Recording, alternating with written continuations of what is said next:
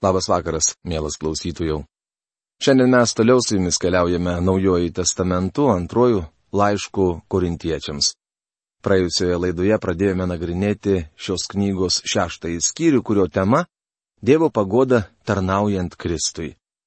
Mes išnagrinėjome potėme išmėginimai tarnavime ir pradėjome nagrinėti potėme Pauliaus raginimas.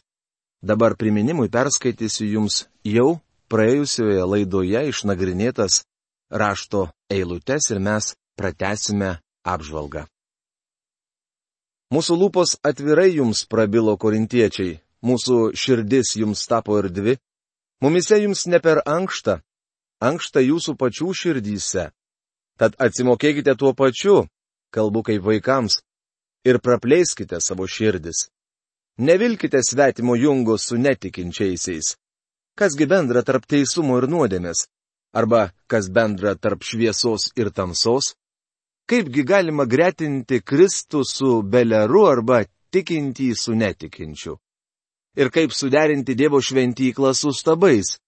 Juk jūs esate gyvojo Dievo šventykla.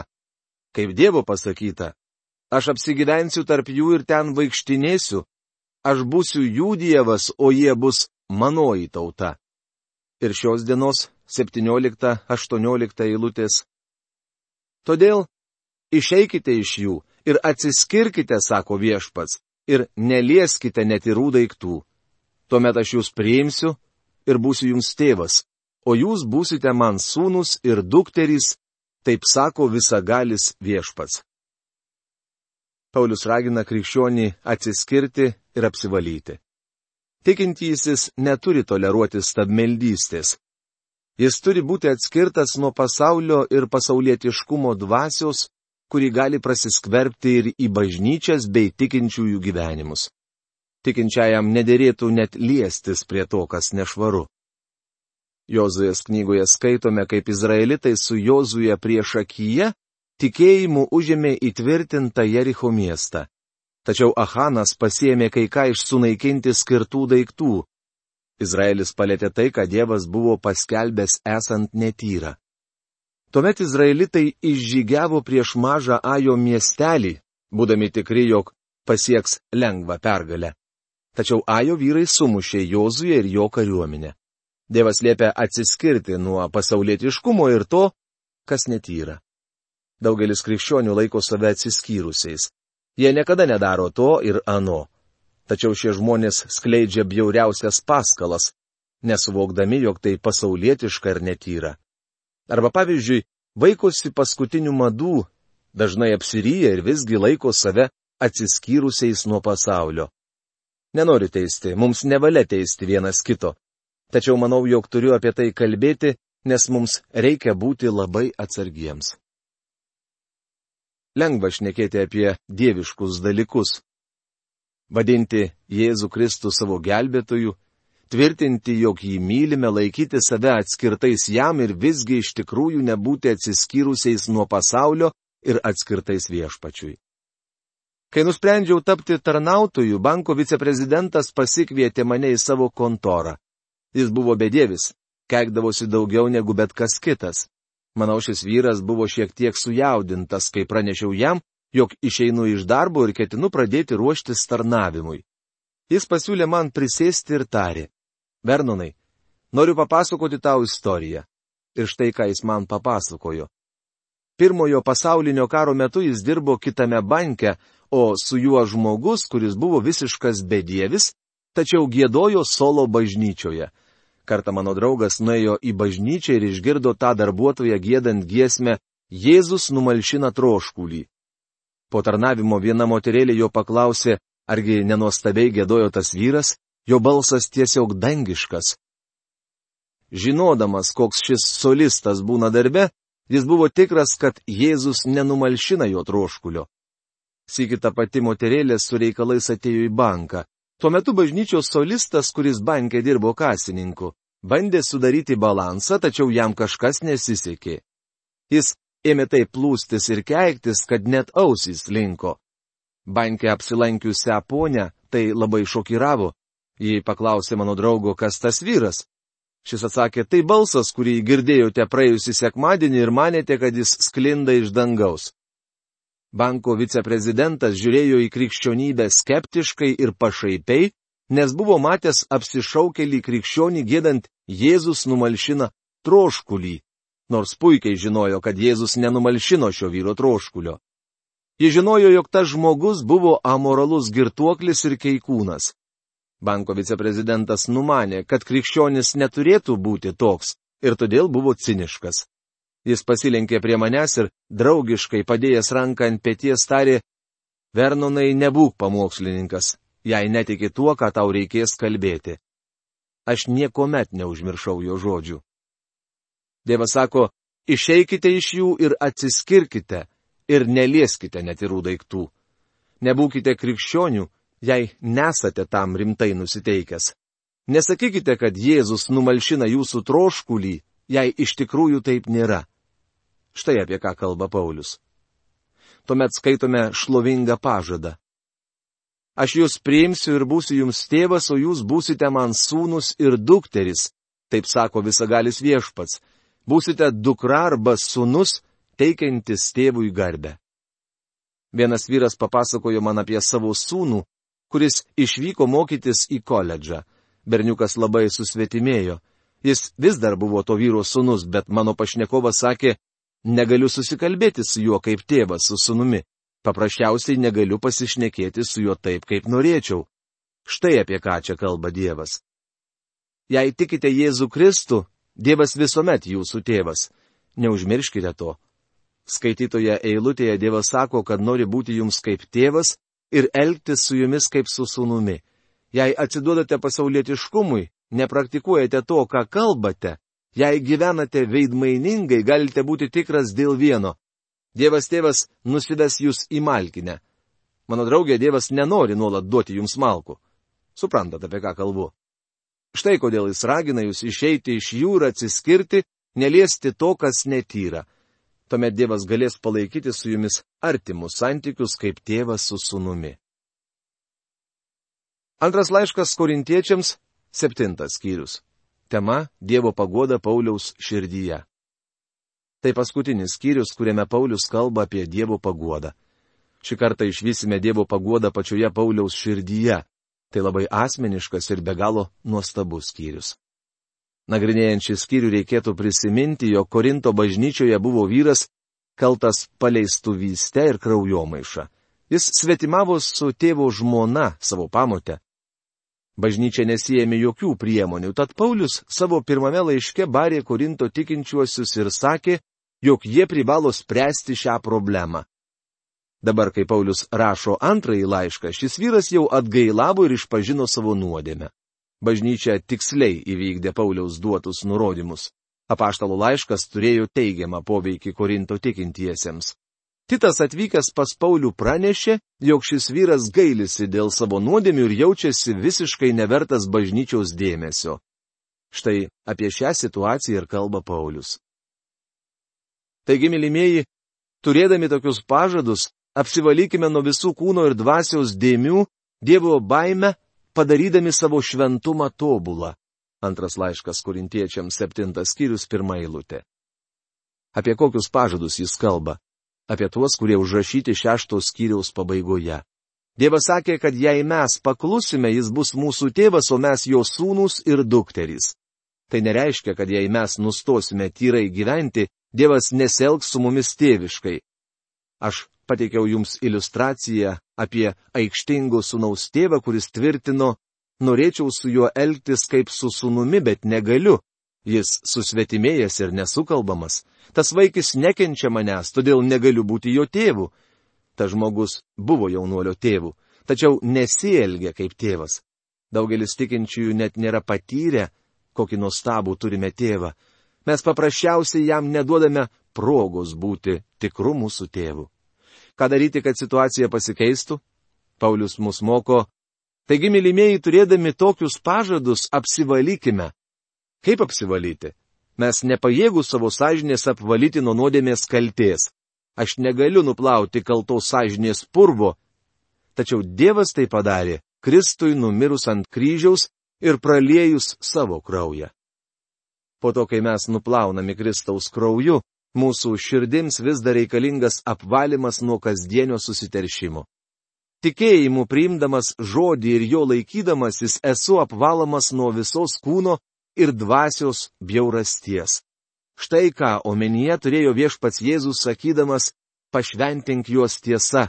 Tavo žodis yra tiesa, Jono Evangelijos 17 skyriaus 17 eilutė.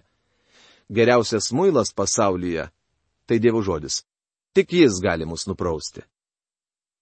Paulius moko, kad privalome apsivalyti nuo visų kūno ir dvasios dėmių. Bet kokia nuodėmė Dievo akise yra susitepimas. Tuomet koks skirtumas tarp kūno ir dvasios nuodėmių? Kūno dėmės tai nešventi gaiduliai, nežabotas apetitas, girtoklystė, apsirijimas, pasileidimas. Turime nepamiršti, kad šiandieninis pasaulis kūno nuodėmės didžiai gerbė. Kaip pavyzdį galėčiau paminėti pasaulio nuostatą alkoholinių gėrimų atžvilgių. Daugelis žmonių teigia, kad alkoholis nėra blogas dalykas. Svaiginantis gėrimai plačiai reklamuojami žiniasklaidoje. Neseniai per radiją girdėjau tokią reklamą. Šiandien subrendę protingi ir klestintys vyrai geria alkoholinius kokteilius. Kaip plaunamo žmonių smegenys. Šiaip propaganda pranoksta net tas, kurias kada nors yra skleidę politiniai diktatoriai, alkoholinių gėrimų priekybą suinteresuoti asmenys nepailsdami įrodinėja savo tiesą. Tačiau liūdniausia, kad minėta reklama užsakė organizacija, kuri rūpinasi alkoholikais. Teksto pabaigoje buvo žodžiai, dėja yra žmonių, kurie nemoka elgtis su alkoholiu. Ir dar kiek? Jų milijonai. O mes, mokesčių mokėtojai privalome padengti ligoninių išlaidas, kurias nuolat didina asmenys, suinteresuoti alkoholinių gėrimų priekybą. Tai akivaizdus kūno nuodėmių pavyzdys. Ką apie visą tai sako Biblija? Paklausykite, kas rašoma Habakuko knygos antros kiriaus penkioliktoje eilutėje. Vargas tam, kuris lėdamas pykti girdo savo kaimynus, kol jie pasigeria norėdamas pasižiūrėti į jų nuogumą. Te pasigaili jūsų Dievas, jei savo namuose vaišinate svečius alkoholiniais gėrimais ir gundote kaimynus girtuokliauti. Dievo žodis tai smerkia. Kitas kūno dėmių pavyzdys - kioskai ir priekystaliai nukrauti bjauriausia pornografinė literatūra, kuri šlovina žmogaus kūną ir seksą. Net ir šio laikinėje visuomenėje Dievo žodis vis dar smerkia kūno nuodėmės. Jei krikščionis nuodėmiauja, Dievas negali su juo elgtis kaip tikras tėvas. Nors galbūt ir esate jo sunus, jis negali su jumis elgtis taip, kaip tėvas elgtųsi su tikru savo sūnumi. Dar Paulius paminė dvasios dėmes. Kokios tai nuodėmės? Pavyzdžiui, apkalbos, bjaurus šmeištas apie kitus brolius krikščionis. Dauguma žmonių niekada neims ginklo į rankas ir nepaleis kulkos kitam į kaktą tačiau kai brolis negirdi, jie savo paskalomis į nugarą jam suvaro peilį. Kai kurie brangus bažnyčios šventieji, taip vadinami šventieji, gana dažnai taip daro. Egzistuoja ir slaptos dvasios nuodėmės. Tuščia garbystė, išdidumas, puikybė, netikėjimas ir godulystė taip pat bjaurios dvasios nuodėmės. Daugelis bažnyčios šventųjų gyvena vadovaudamiesi draudimais negerk, nerūkyk, neloš kortomis. Jie niekada neužsirūkys cigaretės, tačiau žodžiai, kuriuos tarė jų liežuvis, nudegina labiau nei cigaretė. Štai kokios būna dvasios nuodėmis. Paulius sako, kad mes privalome apsivalyti nuo visų kūno ir dvasios dėmių, Dievo baime padarydami savo šventumą tobulą. Laiško hebrajams autorius rašo, ir vaikščiokite palikdami tiesius pėtsakus, kad kas luoša neišnirtų, bet verčiau sugytų siekite santaikos su visais, siekite šventumo, be kurio niekas neregės viešpaties. Kristus yra mano teisumas. Jis mano šventumas. Bėda ta, kad mano gyvenimas ir jo tobulumas yra labai toli vienas nuo kito. Dievas sako, kad šis skirtumas neturi būti toks didelis. Jis nori, kad mes šventai gyventume. Atverkite mums savo širdis, juk mes ne vienam nepadarėme skriaudos, Ne vieno nesužlugdėme, ne vieno neapgavome. Antras laiškas korintiečiams septintas skyrius antra eilutė. Paulius užtikrina korintiečius, kad jis ne vieno nėra sužlugdęs ar apgavęs. Apaštalas nevyko pas juos rinkti aukų įvairiems projektams. Būtų puiku, jei daugelis krikščionių galėtų tą patį pasakyti. Matau, kad mūsų bažnyčiose diakonų tarybos kartais neteisingai elgesi. Man atrodo, kad jei žmogus aukoja kažkokiam konkrečiam tikslui, diakonų taryba privalo pasirūpinti, kad šios lėšos nebūtų kitur panaudotos. Jie neturi teisės sakyti, padėkime pinigus į bendrą fondą, arba mūsų nuomonė šias lėšas dėrėtų panaudoti svarbesniam tikslui - bažnyčios pastato išpirkimui. Paulius galėjo užtikrinti korintiečius, kad ne vieno nebuvo nuskriaudęs, sužlugdęs ar apgadęs. Sakau tai nenorėdamas jūs smerkti. Juk jau sakiau, jog esate mūsų širdyje, kad kartu mirtume ir kartu gyventume. Antras laiškas korintiečiams septintas skyrius trečia eilutė. Paulius mylėjo šiuos krikščionis ir nuolat nešiojosi juos savo širdyje. Aš labai pasitikiu jumis, labai jumis giriuosi. Aš kupinas paguodos ir pertekęs džiaugsmo visuose mūsų sielvartuose. Antras laiškas korintiečiams septintas skyrius ketvirta eilutė. Paulius sako, kad jis kupinas pagodos ir pertekęs džiaugsmu. Toliau jis paaiškina šiuos savo žodžius. Kai atvykome į Makedoniją, mūsų kūnui neteko patirti niekiek ramybės. Mes buvome visokiojopai varginami, iš lauko kovos, iš vidaus baime. Bet Dievas nuolankiųjų godėjas palinksmino mus Tito atvykimu. Ir ne vien jo atvykimu, bet ir tą paguodą, kurią jis buvo patyręs iš jūsų.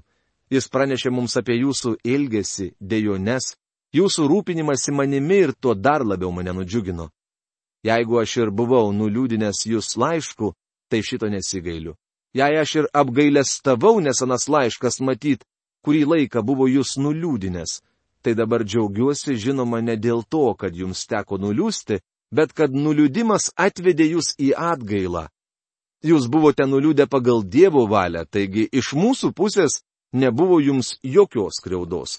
Antras laiškas korintiečiams 7 skyrius 5-9 eilutės. Čia skaitome mielus žodžius. Kad geriau juos suprastume, prisiminkime, kas įvyko prieš tai.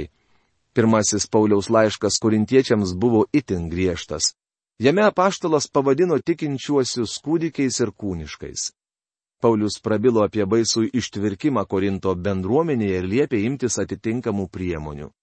Korintiečiai sutvarkė šį reikalą, kai buvo mokęs apaštalas. Atvykęs į Filipus, Titas atnešė žinę, kad Korinto bažnyčia pasikeitė, o ištvirkavęs vyras nuoširdžiai atgailavo. Taigi antrame šio laiško skyriuje Paulius rašė, jog Korinto tikintieji turi jam atleisti ir paguosti, kad pernelyg didelis nusiminimas jo nepražudytų. Korintiečiai turėjo atnaujinti bendrystę su tuo žmogumi. Palikęs Efezą, apaštalas nuvyko į Truadę. Čia jis laukė Tito, tačiau šis nepasirodė. Tuomet Paulius ėmė savo priekaištauti galvodamas, gal man nederėjo jiems rašyti tokio griežto laiško, Gal reikėjo vykti tiesiai pas juos? Vėliau Paulius nukeliavo į Filipus ir ten susitiko su Titu, kuris atnešė jam žinę iš Korinto. Kas nors gali replikuoti, maniau, kad šį laišką paštalas rašė įkvėptas šventosios dvasios? Tikrai taip. Tai įkvėptas Dievo žodis, visai širdimi tuo tikiu. Kaip tuomet paaiškinti Pauliaus apgailestavimą? Matote, jis buvo žmogus, Dievas leido jam tai užrašyti, kad mes žinotume, koks žmogiškas iš tikrųjų buvo šis vyras. Be to matome, koks švelnus, mielas ir mylintis buvo paštalas Paulius. Tai puikiai pamoka. Ir mes privalome tokie būti. Sužinojęs naujienas iš Korinto, Paulius rašė, aš kupinas pagodos ir perteikęs džiaugsmo visuose mūsų sielbartuose. Galimas dalykas, kad kuris nors šios programos klausytojas nutars parašyti laišką žmogui, kurį įžeidė prieš daugelį metų. Jei tai būsite jūs, parašykite, kad apgailestaujate dėl savo žodžių ar poelgių ir norite susitaikyti. Ar žinote, kas įvyks? Jūs nepaprastai pradžiuginsite tą žmogų. Paulius kalba labai asmeniškai, sakydamas. Kai atvykome į Makedoniją, mūsų kūnui neteko patirti niekiek ramybės. Mes buvome visokiojopai varginami, iš lauko kovos, iš vidaus baime. Šie žodžiai tokie asmeniški, kad man ko netrodo, jog neturėtume jų skaityti. Tačiau Dievas panaudojo žmogų, kad paguostų Paulių. Bet Dievas nuolankiųjų godėjas palinksmino mus Tito atvykimu.